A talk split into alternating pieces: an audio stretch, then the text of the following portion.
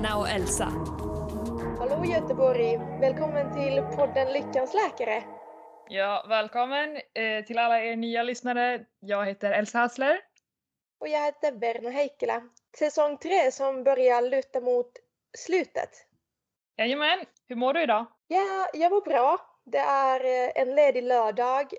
Jag är själv hemma för att eh, Henrik är på en utbildning. Första lugna helgen innan stormen kan man säga. Jag kommer ha en väldigt jobbig ve vecka nästa vecka framför mig och eh, nästa helg kommer jag jobba hela helgen så jag känner lite press att verkligen vila ut den här helgen. Det är svårt att vila under press. Jag vet, jag vet. Jag har varit trött hela veckan. Jag har haft min mens och eh, jag vet inte om det har påverkat. Jag har liksom haft låg energi hela veckan. Eh, hur mår du? Jag mår faktiskt väldigt bra. Jag vet inte, det känns som att jag är i något zen-mode. Jag eh, har typ kommit in i att den här terminen gör jag examensarbete och jag har typ inga fasta tider nästan att förhålla mig till utan det är jag som styr mitt eget liv och jag bara känner I love this. jag älskar det. Och att jag har möjligheten att jobba med sådana här saker där jag driver eget företag och styr mitt eget, min egen tid som jag vill. Jag, jag, jag mår väldigt bra. Mm, vad härligt. Jag tänkte på det faktiskt precis innan vi började podda att förra året den här tiden var jag i Spanien och skrev mitt examensarbete. Och shit vad man kan leva olika liv bara ett års mellanrum. Verkligen. Det. Mm. Men jag är så peppad på dagens avsnitt. Faktiskt, jag hade en patient under veckan med hudcancer och det var en eh, lång anteckning om eh, patientens eh, hudcancer och jag har glömt så mycket. Vad menar du att du har glömt alltså från läkarprogrammet? Precis. Ja, jag vet lite grann men vi kommer få höra ännu mer från vår expert Marina Donner som ju gästar oss idag, specialistläkare. Jag tycker vi tar in henne och eh, ger henne en närmre introduktion i avsnittet. Men också kanske vi ska säga till våra lyssnare att det här avsnittet är ett sponsrat avsnitt av Tagmole som är en väldigt spännande produkt som handlar om just hudflikar och det kommer vi också prata mer om under avsnittet. Gud, jag vill dra en, eh, en kort rolig historia bara. I somras var Henrik, min sambo, ute med båten med några vänner och hade sådana här ganska långa utåtväckande födelsemärken. Han tog sax och eh, tog den här hudfliken och försökte ta bort den och, och han ja. fick flera gånger eh, göra försök för att huden är ju ganska, ska man säga, hållfast. Slitstark. Ja, så efter det här avsnittet kanske jag ska rekommendera att eh, att nästa gång vi gör det, det ska vara tagmål och inte ett par smutsiga sax. Som tur fick han ingen infektion eller så men äh, ja, det var ganska brutalt. Kill. Schysst kompis. Ja, typisk killgrej. Verkligen! Att ja, han har, med på det. Den här kompisen har stört sig på det födelseverket flera år. Och så låg Henrik och solade så han tyckte att det var perfekt tillfälle att ta tag i det. Ja, Yes, friends, ja, uh, friends with benefits höll jag på att säga. Vi får se. Ja, Men vadå, fick han bort den då? Ja, ja till slut. Men det blödde ganska mycket. Har han ett ärr idag? Jättelitet faktiskt, inte mycket alls. Mm, det vore kul att få se. Du får göra ja. en video. Exakt. Så läkarnördigt. Kolla på när man tar bort hudflikar. Läkarporr. Spicy! Okej, okay, men nu välkomnar vi in Marina Donner innan vi spårar ur här. Marina Donner som är allmänmedicinare och dessutom har ett eh, specialintresse inom hudcancer. Ja, och eh, Marina jobbar på Åland, både inom privat och offentlig vård. Dessutom gillar hon precis som oss sport och hon är landslagsspelare i bordtennis. Det här avsnittet kommer vi fokusera på en produkt som heter Tagmole delvis i alla fall. Och eh, Marina är medicinskt ansvarig för just den här produkten som ni kommer höra mer om alldeles strax. Välkommen Marina! Tack så mycket! Roligt att du vill gästa oss. Och eh, sitter du nu på Åland när vi poddar eller vart är du idag? Eh, jajamän, sitter på Åland på mitt jobb eh, och det ska bli jättekul. Jag är taggad. Vad roligt, vi är med. Men kan vi inte börja lite med varför blev du läkare och det här med ett specialintresse just för hudcancer, hur kommer det sig? No, egentligen så har jag min första universitetsutbildning som idrottslärare och redan under plugget så märkte jag när vi läste fysiologi att jag tyckte det var väldigt spännande och intressant med människokroppen. Eh, och eh, min mormor var ambulansläkare så att intresse har lite funnits sedan tidigare. Eh, och sen håller jag på med, med elitidrott och då är ju kroppen mitt instrument helt enkelt. Eh, och eh, sen eh, varför det blev mycket just hudcancer. Ehm, jag tyckte det var intressant redan under plugget för det var, det var ganska avgränsat och det var väldigt konkret. Det är hudcancer eller inte hudcancer. Man tar bort det och, och så är personen förhoppningsvis frisk. Eh, och, och, sen eh, hade jag en eh, placering i Australien på en hudcancerklinik som jag hade ordnat med hjälp av vänner och, och där trillade polletten ner så att säga. Eh, jag tyckte det var jätte, jättespännande så jag har fortsatt jobba mycket med hud och prickmottagning och sånt. Wow, var det det här så att du åkte till Australien, var det under läkarprogrammet eller var det efter? Nej, det var efteråt. Eh, jag var färdigutbildad. Eh, så det här var egentligen helt på egen hand eh, med hjälp av vänner som satte ihop mig med deras ja, hudcancerläkare då, som brukar göra prickmottagningar där hos dem i Australien. Och på den tiden jag var där jag har sett så mycket hudcancer som man inte får se här på flera år. Och det var mm. jättespännande, jätteintressant. Shit, vad häftigt. Mm. Ja, verkligen. Hud är ju vår största organ för de som inte visste det. Och eh, den består ju av flera olika lager. Eh, den som är ytterst är ju dött eh, och den stö stöter vi bort och kan liksom fjälla flakna. Men eh, vilka är de andra, eller vad är det för olika lager vi har på huden egentligen? Ja, man brukar säga att eh, vi delar upp huden i tre lager. Eh, överhud, som också kallas för epidermis på medicinspråk. Eh, sen är det läderhud, eller dermis. Eh, och sen då själva fettet, eller underhudsfett, eh, som kallas för subcutis. Och i vår överhud så finns det tättpackade hudceller som kallas för eh, keratinocyter. Och längst ner i överhuden så finns det melanocyter eh, och det är de som bildar pigment. Och melanocyterna ligger eh, så att säga insprängda mellan keratinocyterna i ett förhållande på ungefär 1 mot 10. Och eh, melanocyterna bildar ju som sagt pigment så de blir som ett, som ett skydd som ett paraply över våra hudceller och därmed skyddar dem mot UV-strålning. Okej, okay. då har jag en kuriös fråga. Mm. Eh, nu är ju sommaren börjar ta slut och eh, man har en fin solbränna. Hur, mm. länge, hur länge kan man få behålla den? Ja, det där är tu tusen euros fråga. det man brukar säga är att eftersom man, man kan eh, försöka undvila och använda peeling allt för mycket, för det påskyndar ju så att säga att man pilar bort, ja, inte solbränna inom citattecken då, men peeling på, påskynda att man pillar bort brännan så att säga. Man ska återfukta. Sen exakt eh, hur många veckor solbrännan stannar hos var och en beror ju på hudtypen man har. Det stannar ju säkerligen lite kortare tid hos ljushyade och, och eh, lite längre hos dem som har mycket pigment. Det var lite, diffu lite diffus svar på din fråga som du hör, men exakt antal veckor är det ingen som kan ge dig. Ja, jag vet inte om det är forskningsbevisat men det man får ju höra och som låter, i mina öron låter det väldigt rimligt att om man är duktig på att återfukta huden, alltså smörja in den med liksom mjukgörande och sånt så, så borde det ju hålla lite längre än om man till exempel inte gör det.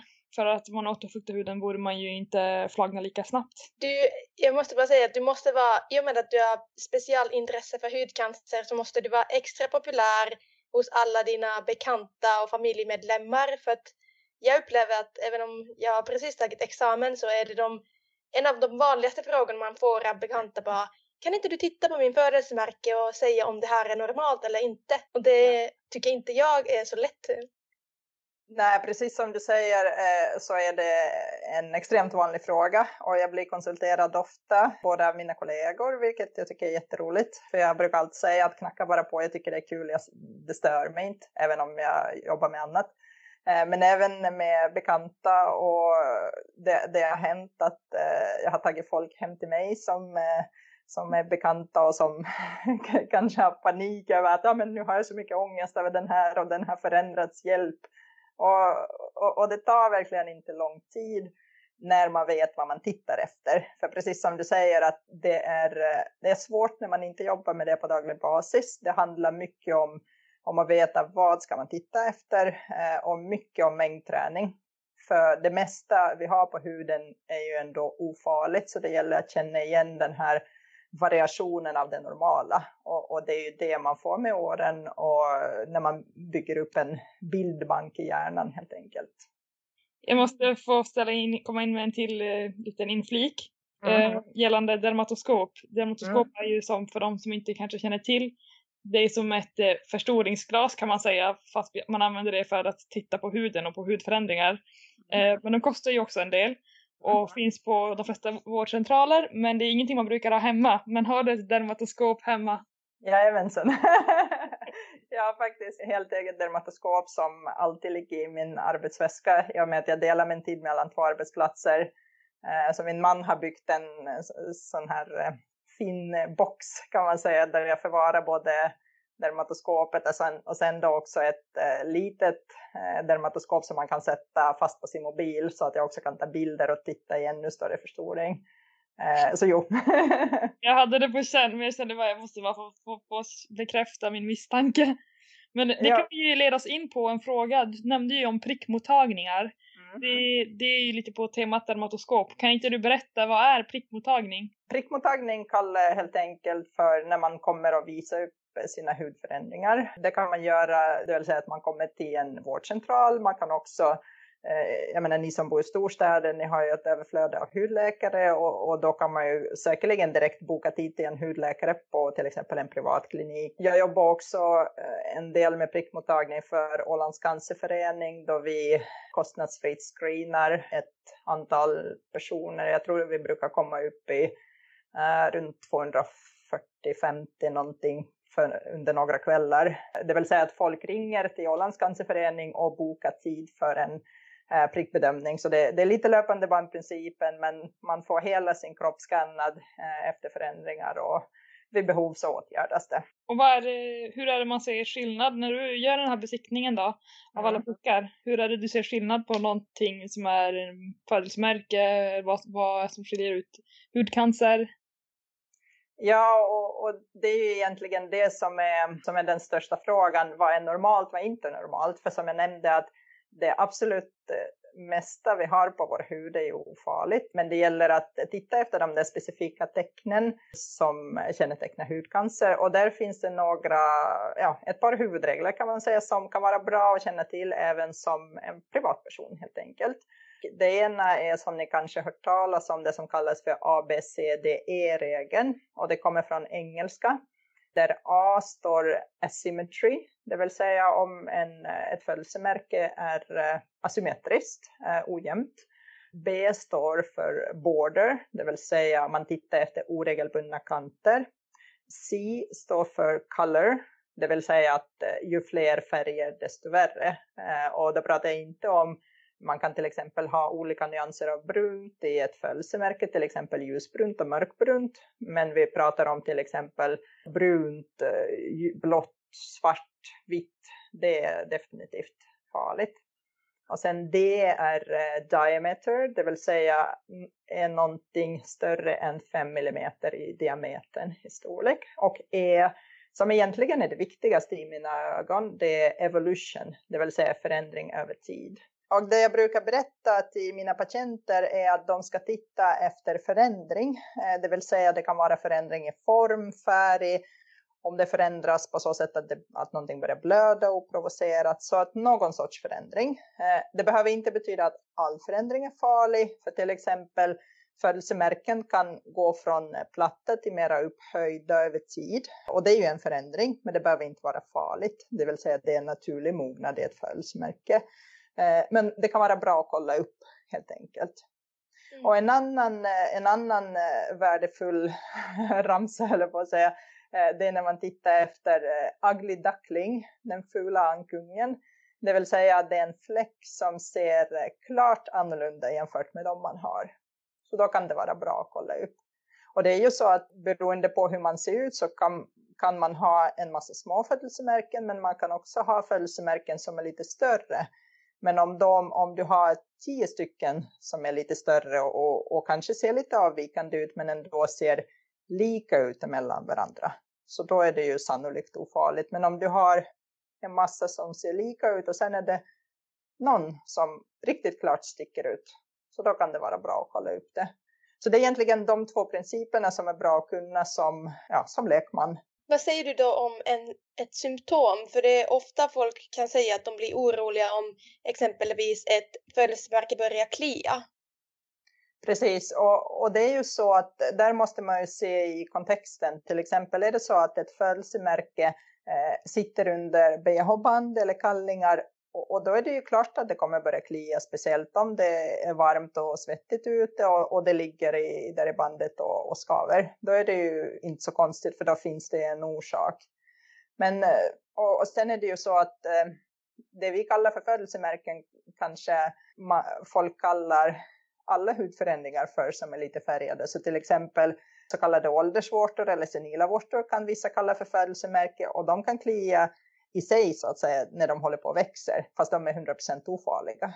Så mm. det är, ju, är man osäker då är det ju bra att inte leka doktor allt för mycket utan bra att komma till någon, och, till någon som vet och visa upp.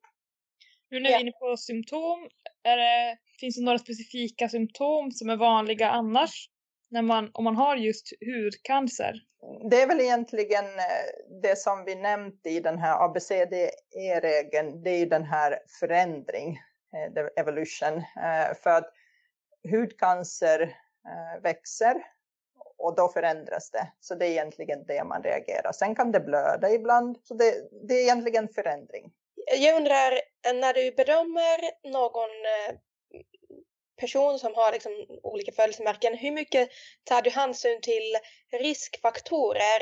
Och finns det riskfaktorer för hudcancer?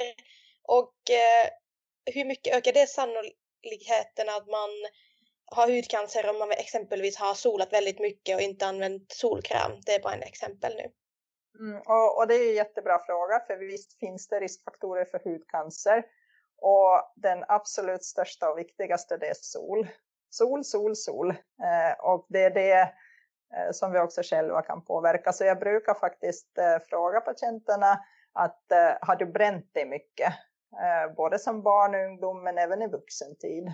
och sen tittar jag ju på hur huden ser ut. Är man väldigt ljushyad så, ja, så finns det en lite större risk så att säga. Och sen brukar jag fråga om det finns hudcancer i släktet. Till exempel, eh, vi kommer säkert prata mer om längre fram om de olika typerna av hudcancer. Men det finns till exempel vid malignt melanom så finns det en viss hereditär andel så att säga som har genetisk koppling. Så där kan det vara bra att veta just om det finns melanom i närmaste släkte.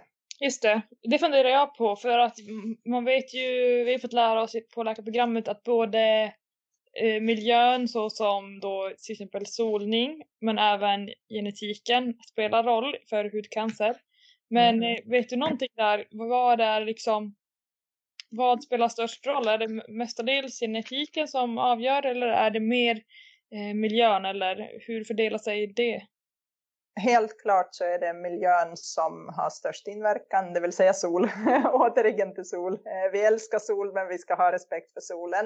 Mm. Och eh, ungefär 70 procent av melanomen eh, orsakas av solen och det är den starkaste riskfaktorn även för övrig hudcancer. Och man brukar säga att ungefär 10 procent är genetik eh, och där är det både det som vi har nämnt eh, om man har flera melanomfall i släkt, närmaste släkte och som är väldigt ljus hudtyp. Också om man har ett stort antal födelsemärken. Man brukar sätta en gräns vid 100 födelsemärken. Så har du över 100 födelsemärken på hela din kropp så, så finns det en viss ökad risk för melanom.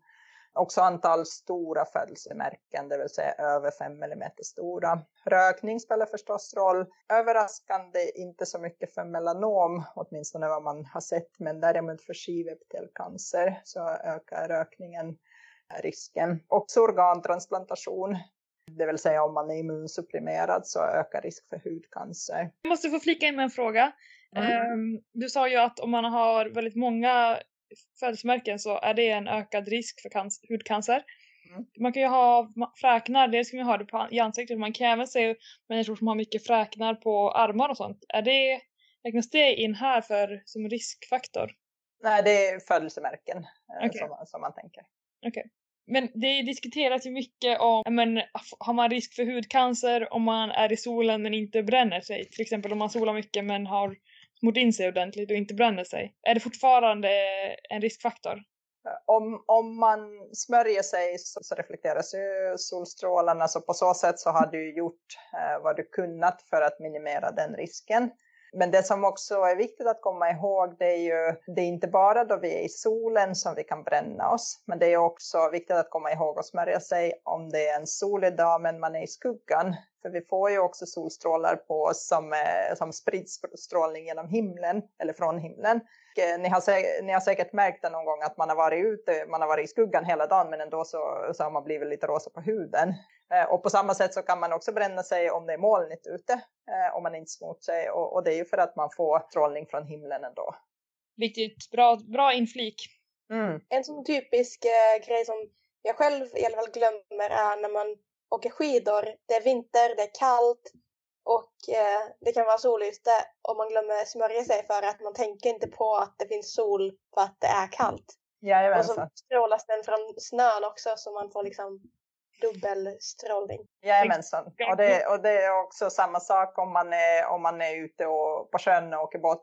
Eh, samma sak för det fläktar och det reflekterar man inte att det faktiskt är varmt ute och man får mycket sol på sig. Ja, men då går vi över till vad det finns för olika typer av eh, hudcancer. Yes, eh, så om vi, om vi först då kan lite kort nämna varför hudcancer egentligen uppkommer, för vi har ju nämnt det här om eh, de olika riskfaktorerna, men hudcancer uppkommer och, och, och annan cancer eh, förstås i övrigt också. Det är ju på grund av att det blir DNA-skador och, och för hudcancern blir det ju då DNA-skador i hudcellerna. Ni kommer ihåg keratinocyterna som vi pratade om eller i pigmentcellerna, melanocyterna. Och eh, till slut så kroppens reparationsmekanismer klarar inte av att laga de där felen helt enkelt. Det blir för mycket. Och det är ju också varför hudcancer ökar med ålder för att vi har fått för mycket av de där DNA-felen de har ansamlats och då ökar det ju också risk för hudcancer. Så när man pratar om hudcancer så brukar man prata om the big three så att säga, de stora, eh, de tre vanligaste. Det är basaleom eller basalcellscancer. Det är skivepitelcancer eh, och säkerligen det mest kända då som är melanom eller malignt melanom som det också kallas.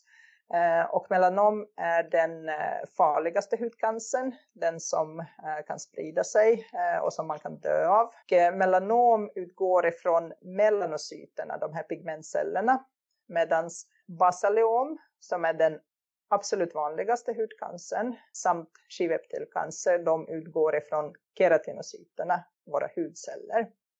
Och hudcancer kan se ut på ganska olika sätt. Melanom till exempel, det har ni säkert sett eh, bilder på Google eller i tidningar. Det kan ofta vara en eh, mörk, eh, svart eller fler, fler, flerfärgad fläck. Eh, oftast. Ehm, um, skivepitelcancer brukar kunna se ut som en skorv. Och eh, basaleom kan se ut eh, oftast som en eh, rodnad fläck som inte helnar eller som en genomskinlig glansig knut beroende på sortens basaleom. Just det, nu kom jag på att de sa faktiskt att om man har ett sår som inte läker så ska man också Mm. tänka, på, tänka på hudcancer och då kan det ju då vara basaliom, eller hur? Precis, och det är ganska vanligt att det, här, det växer ju, basaleom växer långsamt och Eh, det är ganska vanligt att eh, patienten, eh, ja men säg en rodnad fläck, prova sätta på lite salva, kanske någon hydrokortison, kanske någon Bepanten och, och så helnar det inte och sen tänker jag, ah men jag ska väl nämna det för doktorn och, och då kan man säga att det är ett basaleom. Just hur cancer kan vara så mycket olika saker för att i början när man inte visste så mycket om cancer i början på läkarprogrammet så tänker man att cancer är liksom superfarligt men sen när man kommer på hudkursen till exempel och ser att det finns så verkligen olika typer där vissa är väldigt lättbehandlade om man inte gör Mm. stor grej av det medan annan typ kan vara så otroligt eh, farlig och riskera alltså vara Mm. livsfarlig helt enkelt. Man kan dö av hudcancer om man har otur. Eh, det är faktiskt så att melanom är den cancerformen som ökar mest i Sverige just nu. Eh, och det är den näst vanligaste cancern hos både kvinnor och män, eh, då efter bröstcancer och respektive prostatacancer. Sverige är faktiskt ett av de länderna i Europa som har högst insjuknande i, i melanom. Och varje år drabbas ungefär 4 500 personer av melanom och nästan lika många, närmare 4 000, av förstadiet till melanom. Och av de som drabbas eh, så är det faktiskt eh, ungefär 500 personer som avlider i melanom. Och det tycker jag är mycket. Verkligen! 500 personer i Sverige per år som dör av hudcancer. Av melanom. Och melanom, ja. Mm. Ja, och det tycker jag är mycket. För det, det är ju en eh, hudcancer som ändå till stor del går att förebygga just om man skulle vara försiktig med solen. Vissa saker kan man ju förstås eh, aldrig göra någonting åt. Vi vet, vi vet ju alla de här eh, friskusarna som lever hälsosamt och äter hälsosamt och ändå drabbas av cancer i ung ålder och dör. Men just med, med hudcancer så finns det mycket du kan göra själv genom att vara försiktig med solen. Men tror du, det var faktiskt någonting jag funderade på. Tror du att en orsak, eller att man kan tänka sig att de- den siffran kommer gå neråt med tanke på hur mycket olika solkräm eh, vi har nu för tiden? Ja, och, och det är ju jättebra eh, sätt att tänka på för det är ju så vi ser ju vi ser att hudcancer ökar. Eh, vi ser ju då dels eh, att den här generationen eh, 60-70-talisterna alltså, ja, och, och yngre då förstås, eller äldre. Det var ju då man inte visste att solen var farlig, att barnen sprang runt precis hur som helst och, och ju, ju brunare desto bättre ungefär. Solarium. Jajamensan, solarium och så, och så satt folk där med, med spegel och aluminiumfolie och skulle reflektera solstrålar. Och, och det är sådär som, eh, som mina äldre patienter berättar ibland när jag håller på att ta bort med hudcancer. Man blir mörkrädd. Men det är ju så det var, för att man visste inte bättre. Mm. Eh, Nu har vi kunskap, men å andra sidan nu reser vi mycket mer. Vi utsätter oss för eh, stark sol eh, på varmare breddgrader och, jag tror knappast att resandet kommer att avta. Och den soltörstiga skandinaven är ju klassisk syn på, på stränderna med, li, med lite rosa, rosa, hud. Och det är ju, ja, vi skrattar åt det, men, men det är så det är, för vi, vi älskar sol, vi vill ha sol. Men som svar på din fråga om det kommer att, eh, om hudcancer kommer att minska på sikt, eh, jag hoppas, men eh, jag är inte säker. På tal om det här med att, att vi reser mer nu. Det minns Mm. jag också från hudkursen att de sa att en annan riskfaktor är också just att om man har en hud som inte är så van med sol, som kanske har varit då flera månader i Sverige under vintern och som sen plötsligt får en liksom solchock där det kommer massa sol, stark Mhm. sol från att man går från eh, liksom ingen sol till att solen eh, kommer på en vit hud så att det, Mhm. det är också en riskfaktor. Ja, och framförallt vid- melanom är ju stor riskfaktor om man bränner sig hårt. Absolut, jag håller helt med dig. Återigen tillbaka till, eh, till frågan om man kan dö av hudcancer. Man ska komma ihåg att melanom är ju ändå inte vår vanligaste hudcancer. Vår absolut vanligaste hudcancer är också den snällaste. Den kallas för basaleom och, och den dör man inte av. Det är bra. ja, eh, och, och, och de är ju super, super vanliga och uppkommer av total mängd sol genom livet brukar jag säga. Eh, Basaleom är inget det dör av men det ska förstås tas bort. Och det är ju viktigt att komma ihåg. Så bara för att man har fått hudcancer betyder inte att man ska gå hem och planera sin begravning. Så det är jätteviktigt att komma ihåg. Men jag vill också stanna kvar lite vid det här med eh, att dö av hudcancer. Så om man dör av ett eh, melanom, vad Mhm. är det som händer i kroppen som gör att man dör? Det man dör av det är inte av själva melanomet på huden utan det är av att melanomen har spritt sig till andra organ. Melanom är ju sådant att det finns olika typer av melanom. Vissa typer är mera benägna till att sprida sig snabbare helt enkelt. Så den vanligaste, den vanligaste typen av melanom är ytligt melanom så som är ungefär 70 procent av melanomen och de växer ytligt på huden och det är ju då man har störst chans att direkt bota en patient om man hittar ett sådant tydligt melanom i ett tidigt skede. För då är det kirurgisk borttagning. Ibland måste man göra en, eh, en extra borttagning så att säga, även säkerhetsmarginal på huden. Men annars är man klar. Men det är just om melanomer har hunnit bli så att säga tjockare och börja äta in sig. Så det är då det ökar risk för spridning och, och potentiellt då en dödlig sjukdom. Eh, goda nyheter är att de absolut flesta förändringarna vi har på huden är ofarliga. Så nu, nu har vi pratat mycket om farliga, farliga, farliga grejer. Men det absolut vanligaste är snälla födelsemärken. Eh, blir man lite äldre, det vill säga oftast eh, efter medelåldern så kommer det vi kallar för åldersvårtor eller på medicinspråk kallas det för seborroiska keratoser. Hudflikar är jättevanliga och, och alla de är ofarliga. Så, så tack och lov, det mesta vi har på huden är ofarligt. Visst fanns det någonting, finns det ett namn på sådana här eh, röda födelsemärken? Ja, precis. Du tänker säkert på små angiom. Det kallas också för cherry spots eh, på engelska. Ljus, ljusröda prickar, de kan vara som väldigt små prickar, de kan också vara lite större. Ja, men vad beror de på? Är det också åldern eller? Det är ganska vanligt att de uppkommer, jag vet faktiskt inte riktigt varför de gör det och, och en del har eh, många eh, och eh, en del har något enstaka men jag har märkt att det är ganska ofta som det kommer till mig kvinnor efter graviditet faktiskt som märker att eh, det har blivit, saker förändras när man är gravid, man har fått massor med hormoner och, och då kan eh, huden också förändras och befintliga födelsemärken kan lite ändra sig, kanske lite tillväxa fast de är ofarliga. Man kan få en hel del av sådana cherry spots, det vill säga angiom som också är ofarliga. Men det ja, man har fått en massa hormoner och då förändras huden. Och sen förstås med åldern, helt klart. Med graviditeten kan jag också tänka mig att man ökar ju jättemycket i blodvolym när man är gravid. Det kan, jag kan tänka mig att de här kärlnystanen, alltså mm. att det kan ha med varandra att göra. Det tror jag. Alltså kroppen måste ju reagera på att det är så mycket fysiologi som ändras inom, inom kroppen. Mm. Mm, precis, precis. Jag berättade innan eh, vi välkomnade in dig om min sambo som har väldigt många hudflikar.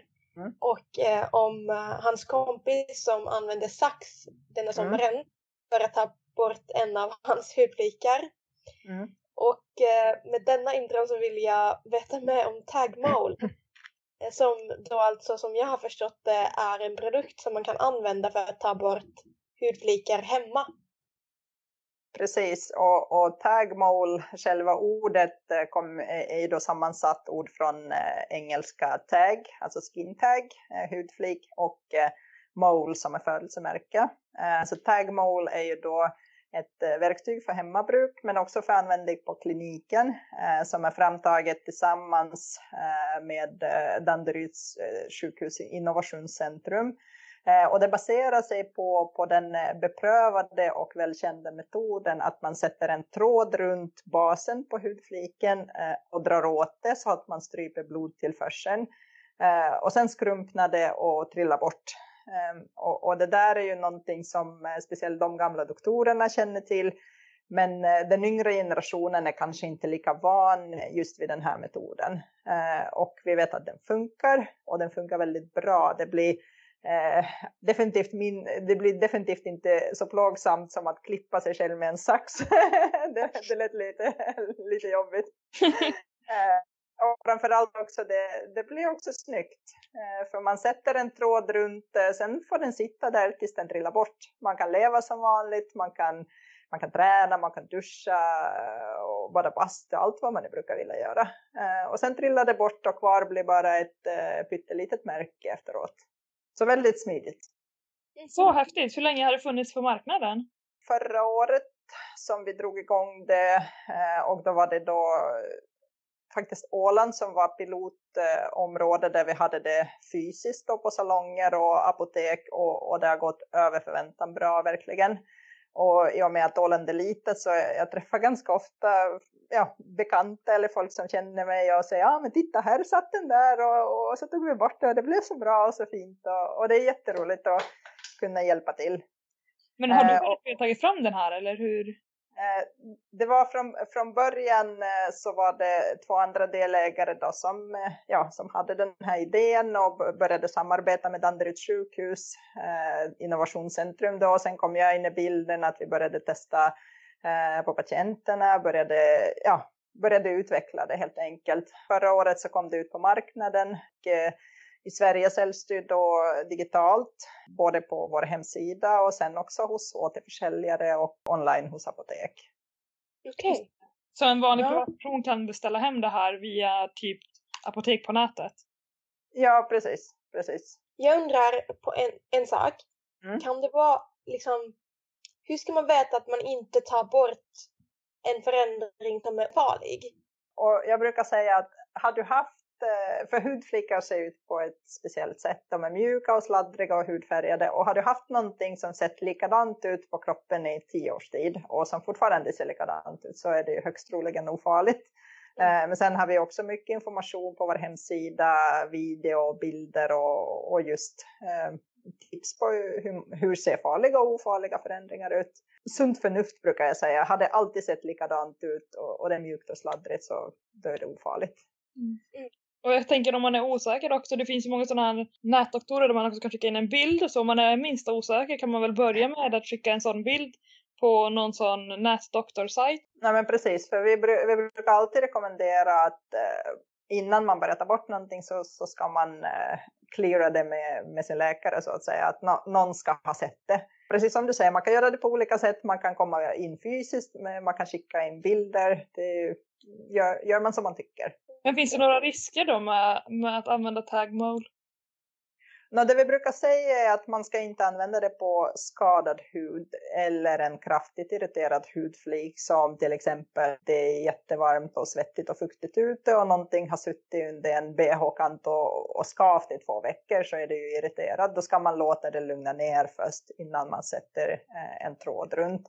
Eh, för att om huden är skadad så kan det lite öka risk för infektion. Eh, men det är väl egentligen det. Och sen förstås kan man ju inte sätta det på någonting som, eh, som är färgat eller som har börjat förändras. Det vill säga bara på snälla saker. Mm. Mm. mm. Och kan man använda det här alltså på barn eller bara vuxna? Är det någon åldersgräns? För produkten för enkelhetens skull så har vi satt åldersgräns på 18 år det vill säga för vuxna. Men sen är det ju så att själva den här principen att sätta en tråd runt och, och dra åt, det används, har ju använts inom sjukvården länge. Så till exempel jag vet att även på BB så små, små barn som har någon hu, liten hudflik som växer så sätter, de, så sätter barnmorskorna en tråd runt. Eh, så jag menar, sjuk, inom sjukvården ja, men hemma då ska man gärna vara över 18 år som vi rekommenderar. Det låter ju jättebra. Jag vill, jag vill testa mm. det på min sambo. ja, jag har själv ingen eh. hudflik men jag hade velat testa det. Mm. Ja. En, en till sak som jag äh, funderar på. Blir det, blir det R på det stället man har använt tagmode på? Och för de som lyssnar, vad är ett R egentligen? Jo, ett ärr är ju alltså någonting som bildas när det djupa tjocka hudlagret, det som vi kallar för dermis, blir skadat. Så till exempel om man har skurit eh, med en skalpell eller ja, och, och, kroppen producerar fibrös vävnad för att ersätta normal hud som nu är ju skadad. Eh, så när man tar bort någonting kirurgiskt, då bildas det ärrvävnad eftersom man har ju skurit genom huden. Eh, men när man använder tagmål så skadar man inte huden på det sättet för man skär inte genom huden. Man sätter bara en tråd på någonting som växer ovanpå huden, på själva huden. Eh, och sen när hudflikarna skrumpnar och trillar av då blir det ju inte på det sättet något ärr för vi skar ju aldrig genom huden men det blir bara ett, ett litet märke och som med tiden knappt syns. Det är bland annat det som jag tycker är så kul att det blir så väldigt snyggt kosmetiskt. Verkligen. Använder du det här även i, i, på sjukhuset? Eh, jag, använder det, jag har använt det på sjukhuset på min mottagning och då har det varit patienter som har, som har kommit för någonting annat och då haft då, ja, hudflik där, man, där jag ser att nej, men det blir så bra att sätta tråd runt. Men det, jag använder det väldigt mycket på, på den privata kliniken där jag jobbar. Det är egentligen mest det. Och sen eh, som sagt, det används ju på salonger, folk köper det hem eh, från apotek och från hemsidan och, och så vidare. Så det är ju verkligen att det kan användas både inom sjukvården men också som vi ser det att det är avlastning egentligen för sjukvården, det vill säga att man kan använda det hemma. Och det är ju det är mycket det här nu för tiden att man ska spara på sjukvårdens resurser till de som faktiskt behöver det mest. Mm. Det som har förändrats nu är att till exempel för 40-50 år sedan om man hade någonting på kroppen som man störde sig av, ja, men, du vet någon hudflik som sitter och skaver hela ens liv, ja, men då kanske man tänker att ah, vi låter det vara. Men nu så är man ju mycket mer att nej, men det ska vara bekvämt, det ska vara snyggt och, och är det någonting som irriterar så tar man bort det. Och, och jag menar om man jämför, nu är jag inte expert inom priserna i Sverige på kosmetologiska åtgärder och laserbehandlingar men jag är nog väldigt säker på att tagmol är klart billigare. Så vad kostar ett tagmol? 290-300 kronor, något sånt där, där kring. Eh, och då ingår det fem stycken trådar i en förpackning. Så man kan åtgärda fem stycken hudflikar och sen kan man ju också köpa refillförpackning med trådar om man har många. Så det blir väldigt prisvärt tycker jag. Verkligen, Mm. verkligen. Mm. Ja, vi ska börja avrunda, tiden rinner iväg. Men vi har en fråga kvar som vi ställer till alla våra gäster. Mm. Och det är ditt personliga bästa hälsotips. Oh. Som småbarnsförälder så är sömn någonting som eh, man får för lite av. Så jag ska säga sov eh, när du har möjlighet för allting, allting löser sig. Man blir piggare, man blir starkare, man blir bättre på humöret eh, Mm. och man sover ordentligt. Verkligen. Ja, den är bra. Man mår bra av sömn. Verkligen. Då ska vi tacka dig så jättemycket för att du, eh, du ville vara med i podden. Jätteintressant och lärorikt. Bra för alla lyssnare också att få, få bättre förståelse om hudförändringar. Både Mm. hur man skiljer dem åt och vad man kan tänka på för att eh, miljön är ändå den största riskfaktorn. Stort tack och lycka till som eh, jouren idag. Yes, tack ska ni ha. Okej Vanna, vad, eh, vad känner du kring det här avsnittet? Hudförändringar och eh, hudcancer. Har du någon personlig relation till det? Läkare med självklart, Vanna och men Jag känner så här att eh, det här avsnittet, för min del är det exakt det här varför vi gör den här podden. För att kunna förmedla kunskap till alla er som lyssnar och underlätta oron och eh, för viss del också underlätta kanske sjukvården genom att Uh, alla vet mer om olika, ja, men i det här fallet hudförändringar. Och jag tyckte att Marina berättade väldigt tydligt vad man ska fokusera på och när det är viktigt att söka vård. Jag hoppas verkligen, min, min känsla är att det var väldigt tydligt och bra information och jag hoppas att ni lyssnarna också känner så att om ni har eh, haft någon oro kring en födelsemärke eller så, så att ni vet nu vad ni ska fokusera på.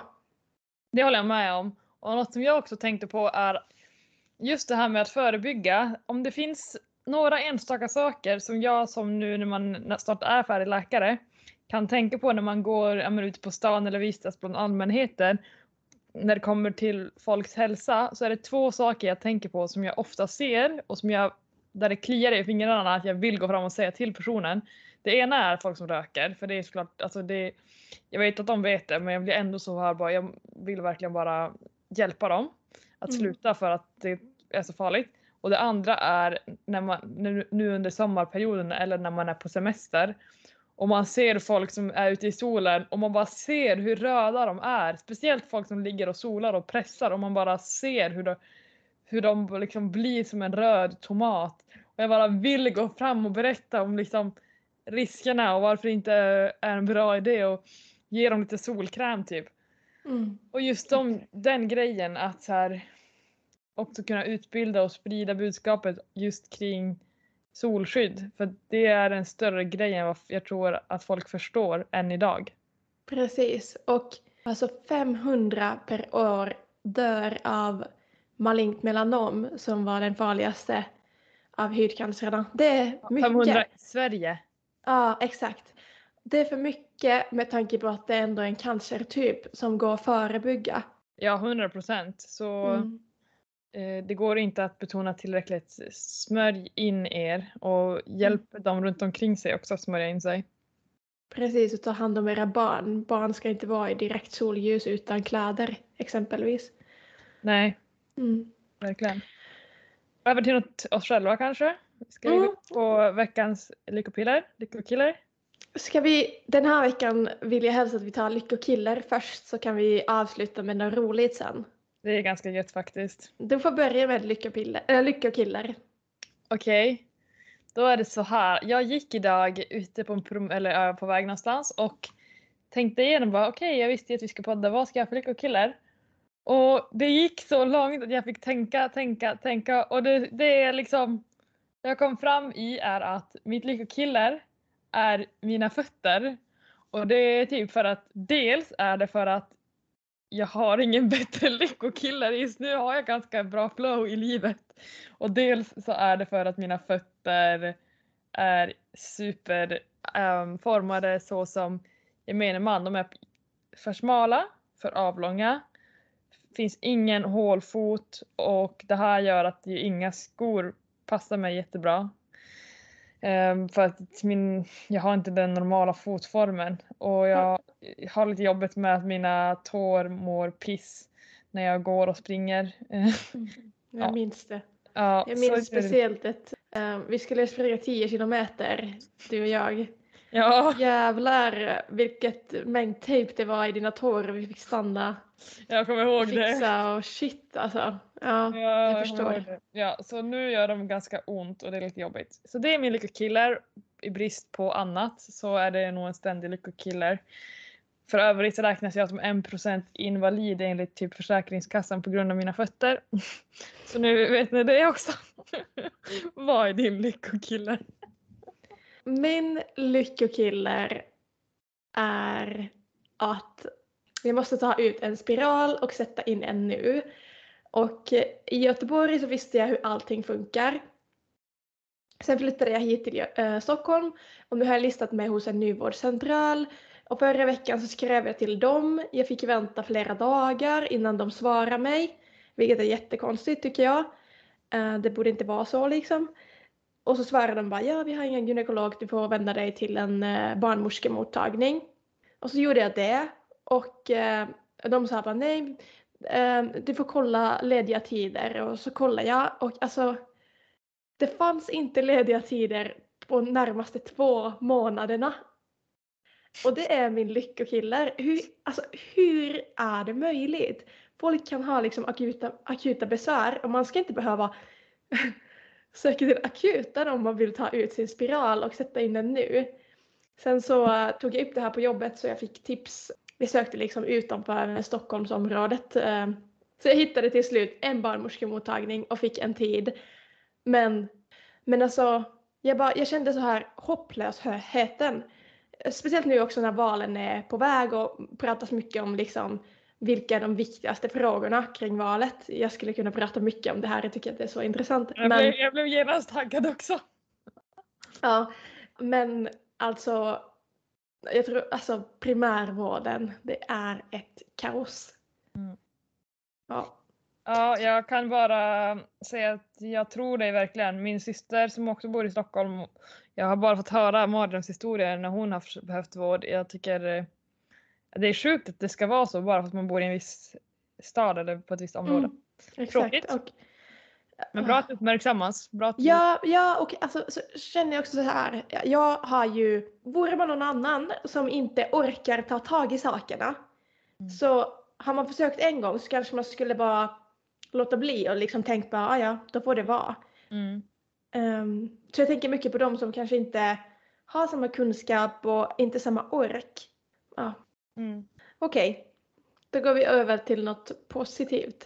Yes, okej. Mitt lyckopiller är min nya träningsplan.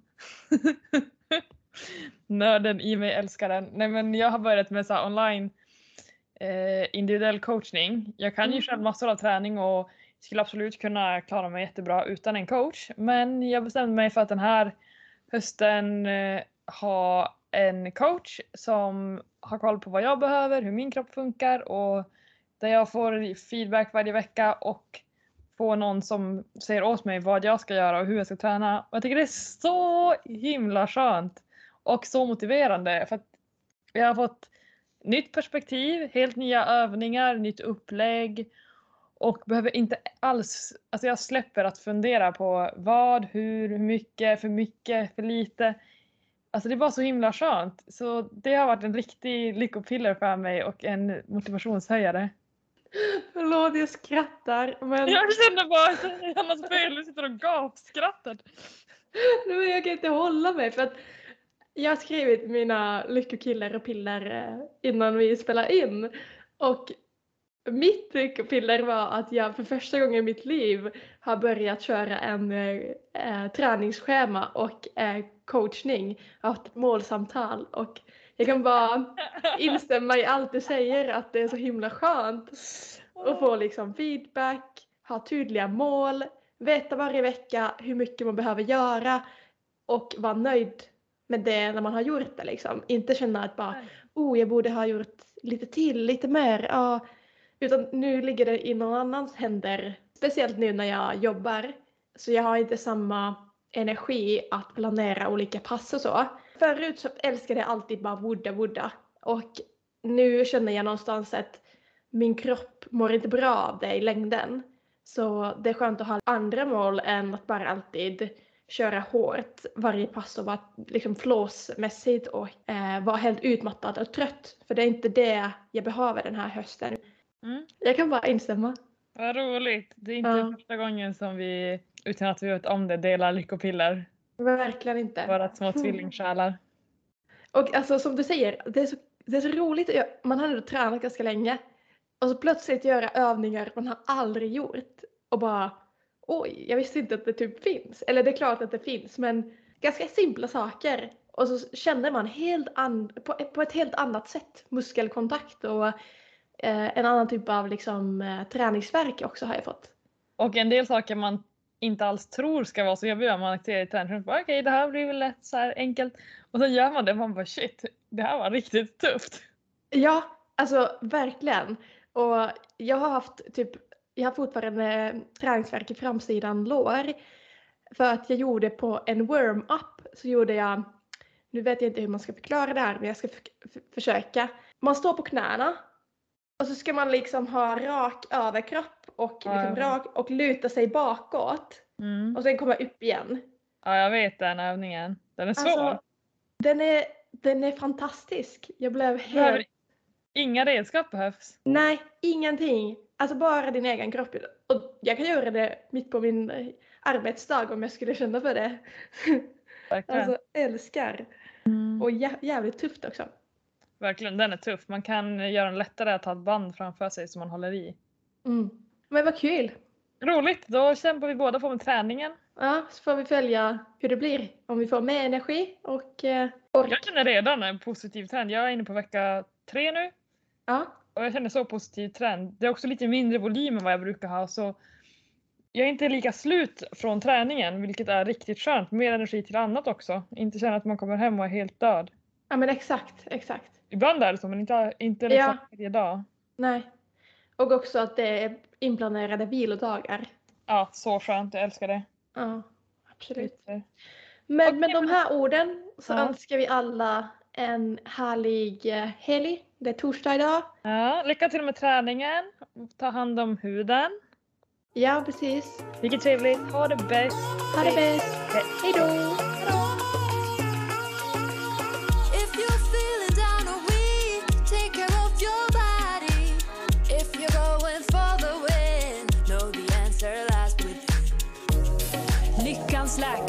Värna och Elsa.